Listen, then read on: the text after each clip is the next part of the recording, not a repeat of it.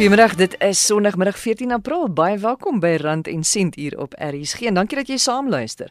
Ons begin sommer dadelik in die tweede gedeelte van vandag se program beantwoord ons 'n luisteraar se vraag oor aftrede en aftrede produkte. Sy wil byvoorbeeld weet hoekom het haar finansiële adviseur vir haar lewenspolisse verkoop? Sy gaan die geld kry wanneer sy tot sterwe kom en sy's enkel lopend. Sy het dit nie dan nodig nie. Sy het dit nodig wanneer sy die dag aftree sodat sy onafhanklik kan wees en niemand in die oë hoef te kyk nie. So hopelik gaan ons haar vrae beantwoord en miskien het jy dieselfde vrae so bly gerus ingeskakel. Maar ons begin met die tweede gesprek in ons reeks oor hoe ons as vroue onsself kan bemagtig in die beroepswêreld en as entrepreneurs veral in hierdie vierde industriële revolusie waarvan almal praat, die digitale era of die era van tegnologie. Nou ons weet almal dat digitale tegnologie al hoe meer van die werk gaan oorneem, maar mense is nog steeds nodig om al hierdie dinge te beheer en te laat gebeur. En veral vroue het 'n besliste plek in hierdie nuwe era. In verlede week het ons gesien hoe ons as vroue nog steeds in die agterspieën suig in alle opsigte wat loopbane betref, salarisse en dan veral ook die gebruik van tegnologie, hoewel ons baie meer daarvan weet as wat ons bewus is. Want ons gebruik elke dag hierdie tegnologie in die huis. Ons moet dit net begin of nie die selfvertroue kry om dit ook in die beroepswêreld te gebruik. So ons gaan vandag kyk hoe ons as vroue se mentaliteit 'n groot rol speel in die negatiewe statistiek oor vroue in die beroepswêreld. My gas weer Ann Ligman, bestuurende direkteur en stigter van die Pullback en Iona Foundations. Sy's 'n entrepreneur, sy's 'n mentor, sy's 'n sakecoach en sy het navorsing gedoen en 'n studie gemaak van waar ons as vroue ons bevind, wat dit is wat ons terughou en hoe ons dit kan verander. En en die eerste vraag is want jy praat van vroue se mentaliteit wat ons terughou. Wat is hierdie mentaliteit van ons wat ons so negatief beïnvloed? Kyk, ons lewe nog steeds vasgevang in die mentaliteit wat veroorsaak dat Helen Joseph die stap tog na die Unie geboue 9 Augustus. Ons is vasgevang in 9 Augustus se se mentaliteit. Maar wat is die mentaliteit? Die mentaliteit is die van ontneming en aftakeling. Ons is nie meer in 'n era waar ons onneem of afgetakel word sonder dat ons toestemming gee nie. In die huidige era gee ons basies toestemming. Ons gee mense toestemming. Ons sê mense hoe moet ons behandel word.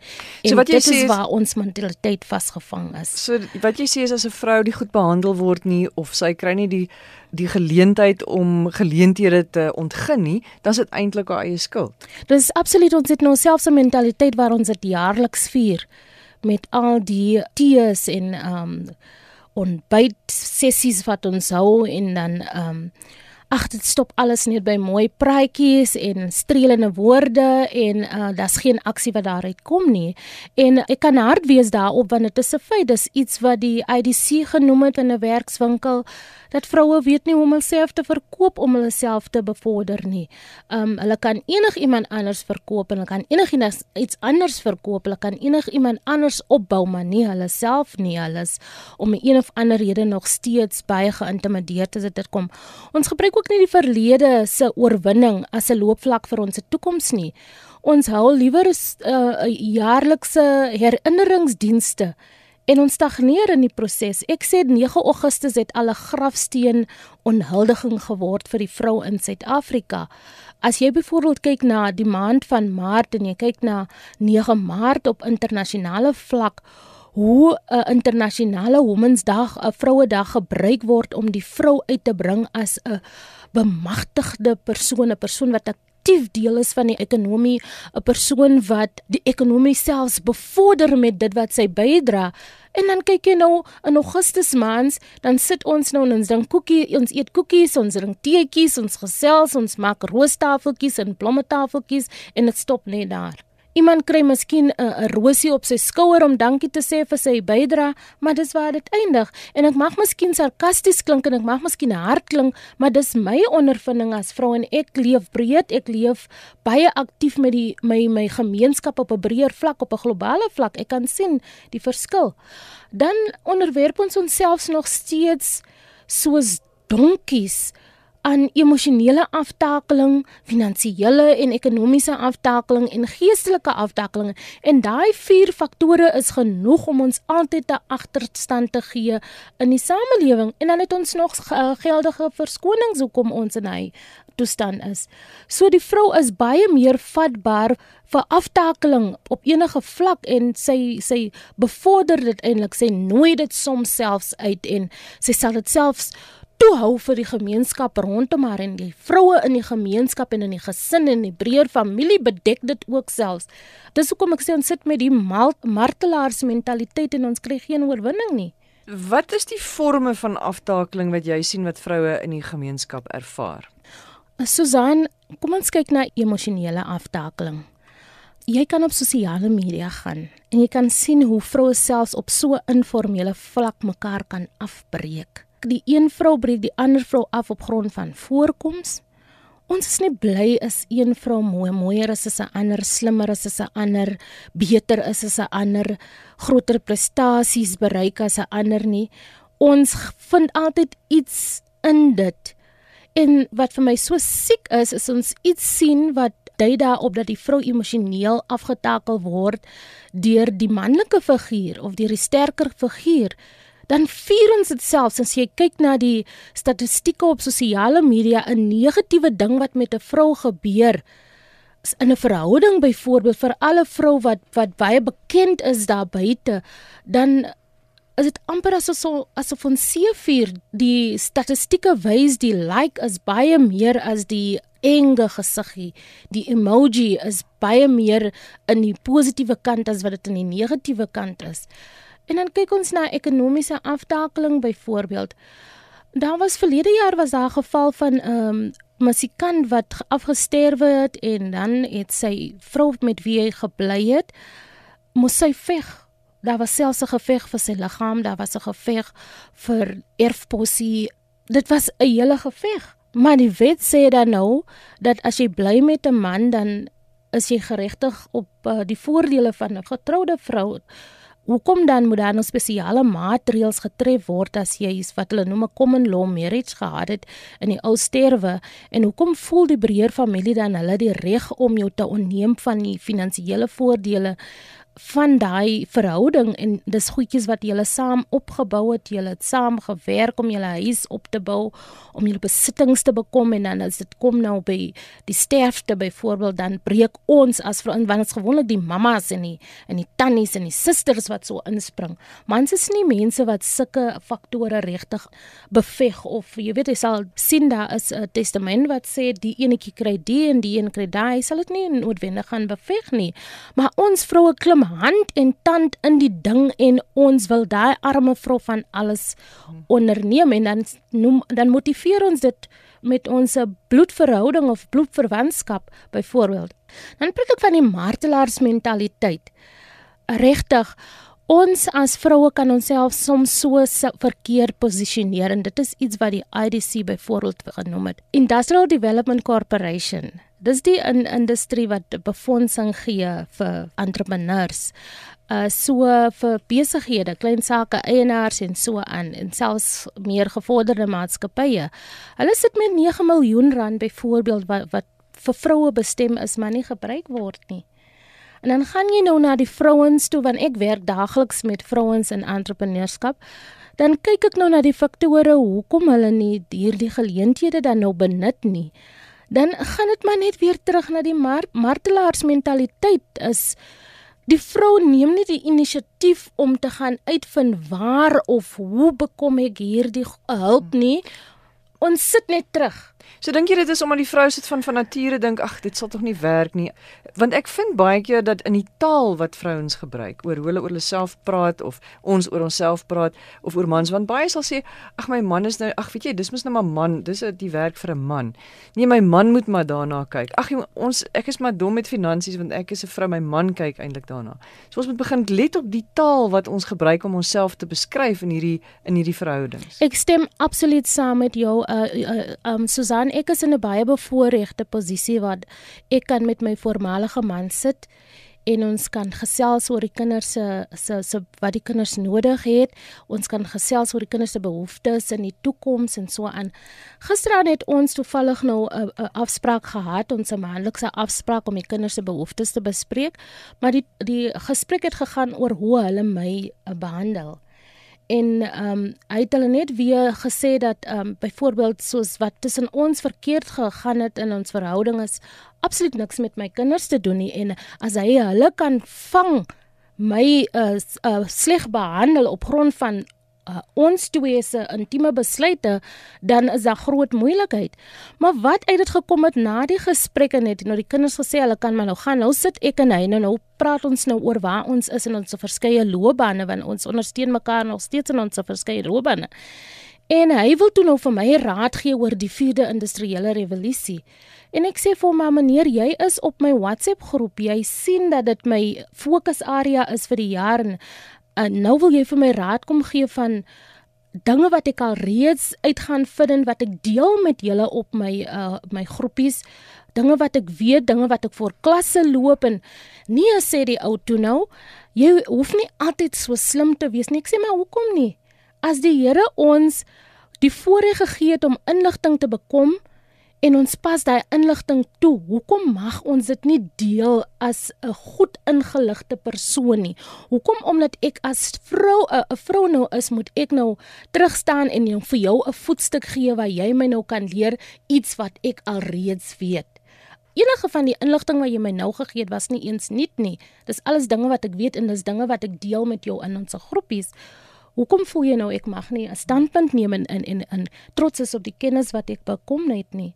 So dit is hoe ons onsself posisioneer en uh toe sê jy maar hy voel nie geïntimideer toe sê ek maar jou aksies en jou woordkeuses sê jy voel geïntimideer deur my kennis en jy verwag ook dat ek moet optree asof ek geïntimideer wees. En dit is presies die optrede wat ek nie kan aanmoedig nie. Want nou gaan jou dogter hier uit by die voordeur en sê laat toe dat die gemeenskap haar presies op dieselfde manier intimideer. En ons moet net onthou hoekom hierdie soort inligting belangrik is.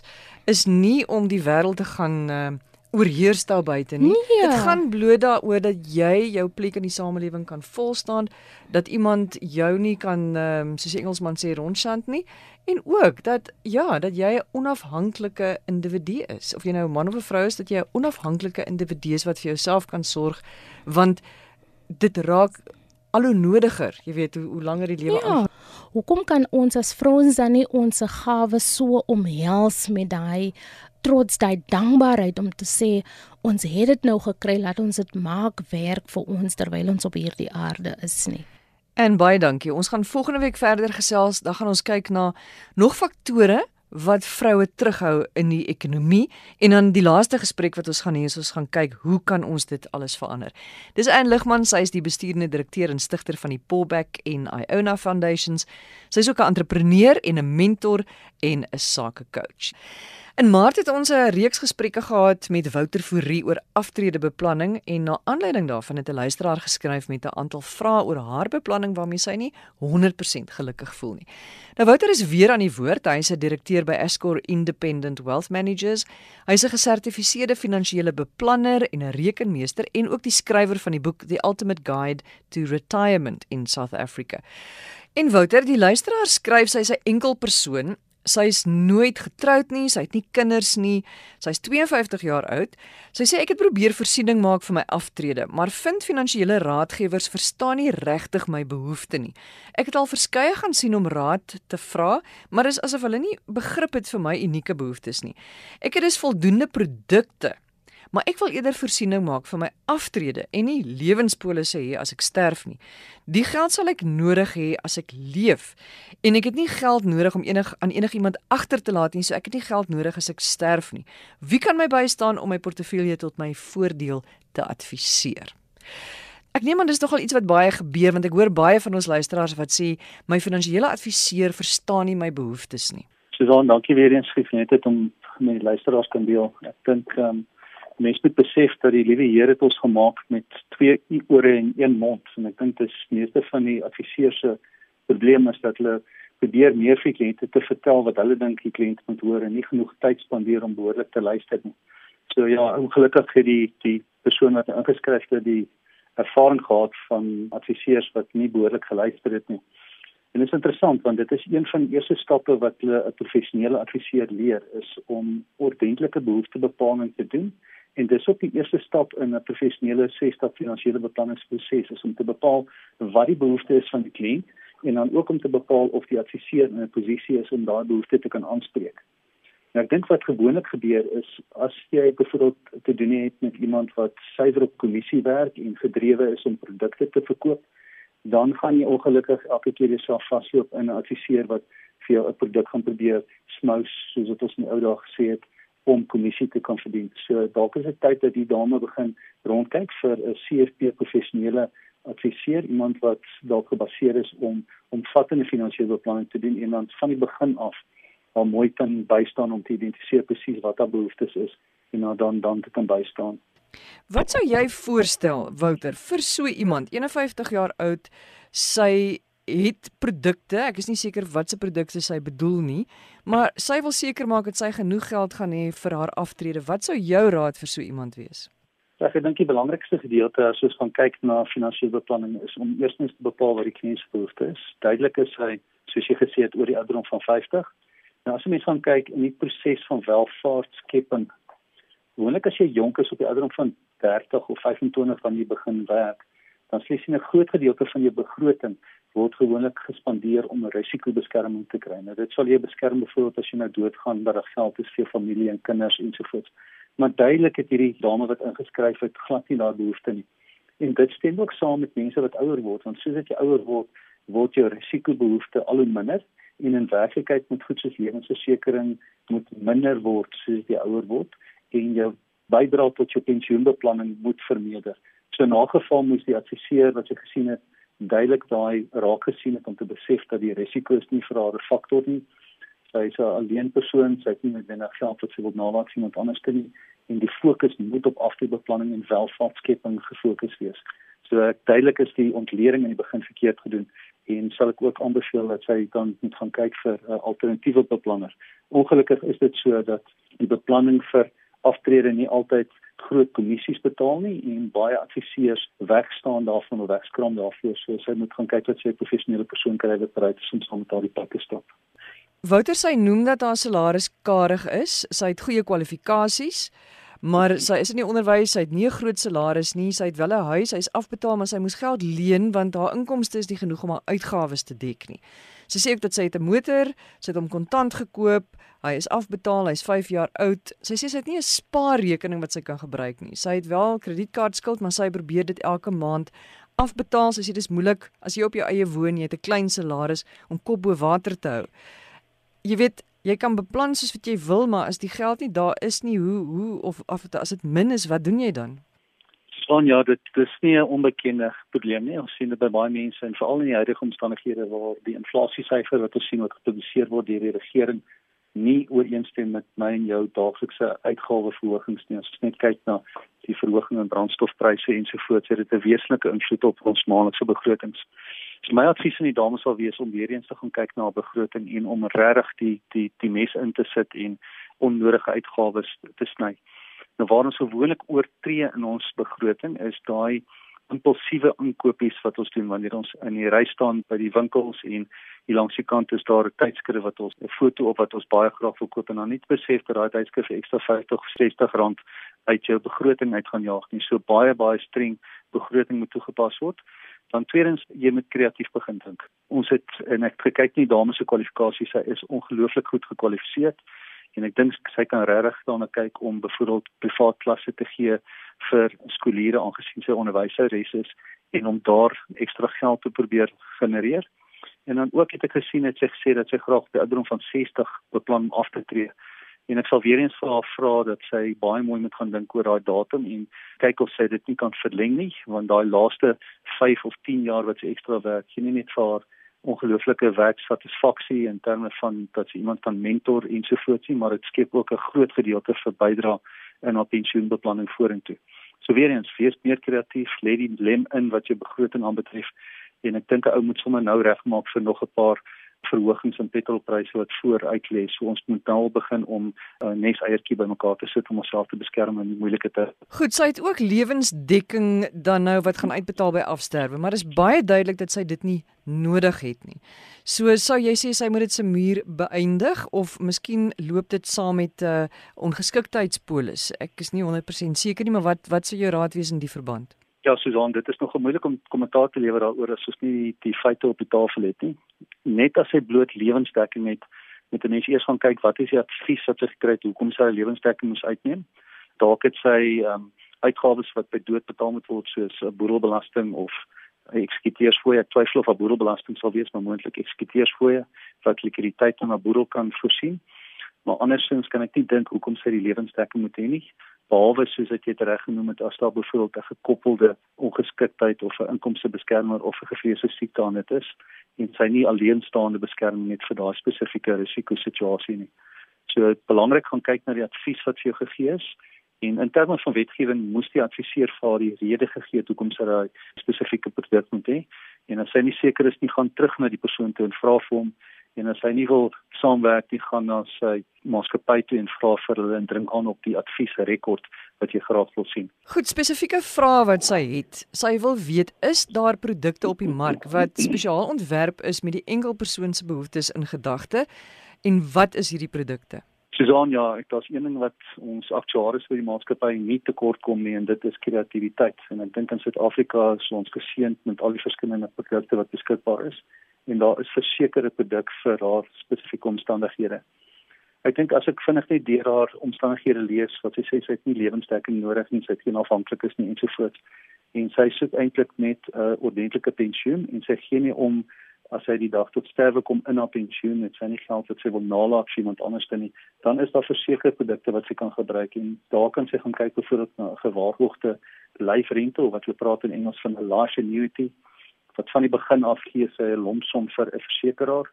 Die versekeraar neem die verantwoordelikheid en die risiko op hulle om dan vir haar 'n maandelikse bedrag te betaal vir die res van haar lewe.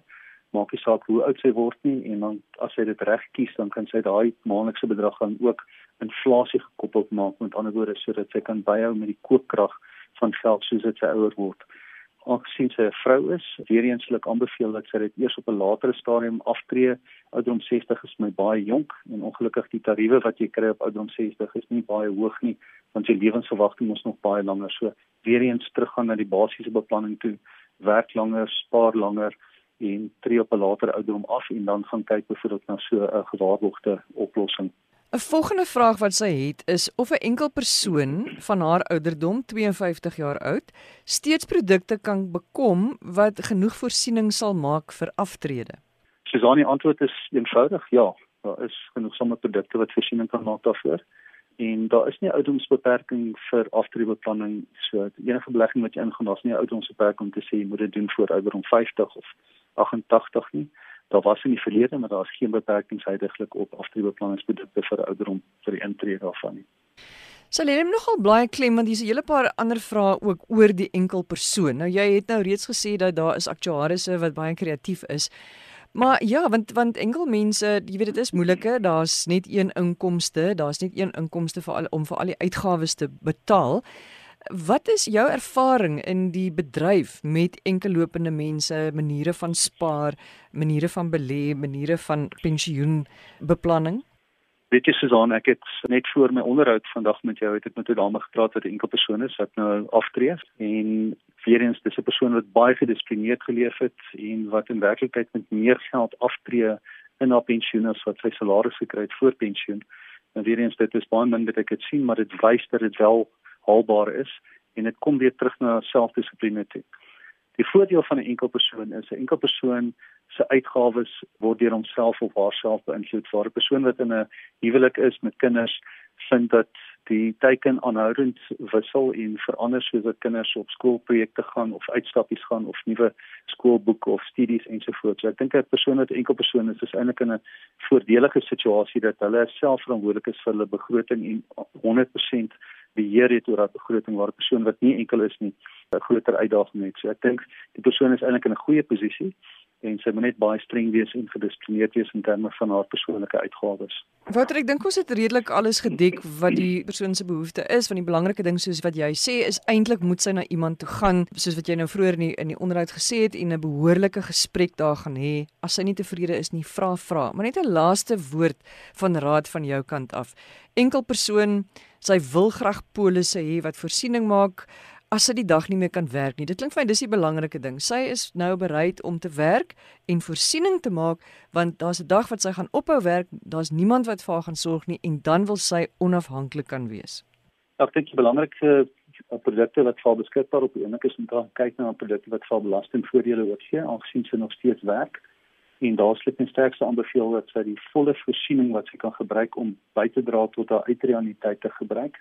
Dit beteken dat sy tot 350 000 rand per jaar of 'n maksimum van 27.5% van haar belasbare inkomste kan bydra tot 'n uitreaniteit en dit in volle belasting aftrekbaar te kry.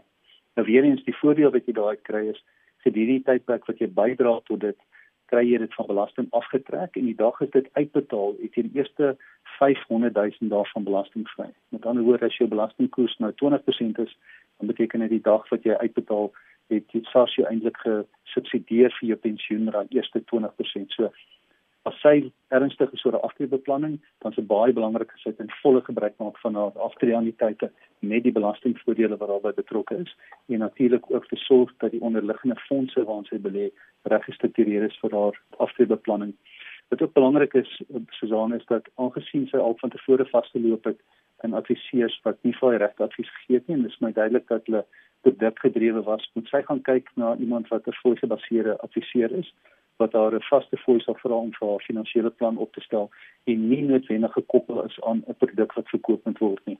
En ek dink dit gaan op die ou ende gaan dit haar behoefte aanspreek en haar kan bystaan in haar beplanning langtermyn. Wouter baie dankie. Dit is Wouter Fourie, hy is 'n direkteur by Escor Independent Wealth Managers. Hy is 'n finansiële beplanner, 'n rekenmeester en die skrywer van die boek The Ultimate Guide to Retirement in South Africa. Jy kan gerus my e-pos stuur met jou vrae en jou voorstelle en as jy 'n entrepreneur is, laat asseblief van jou hoor. Ons wil weet hoe jy die pad gestap het na sukses toe. My e-posadres is stein@gmail.com stein@gmail.com. Onthou ons gesprekke is beskikbaar by www.rsg.co.za as 'n potgooi. Onthou ook die herhaling van rand en sent op 'n woensdagoggend 04:30. Dankie vir die saamluister en groot sukses vir jou vir die week wat voorlê. Totsiens.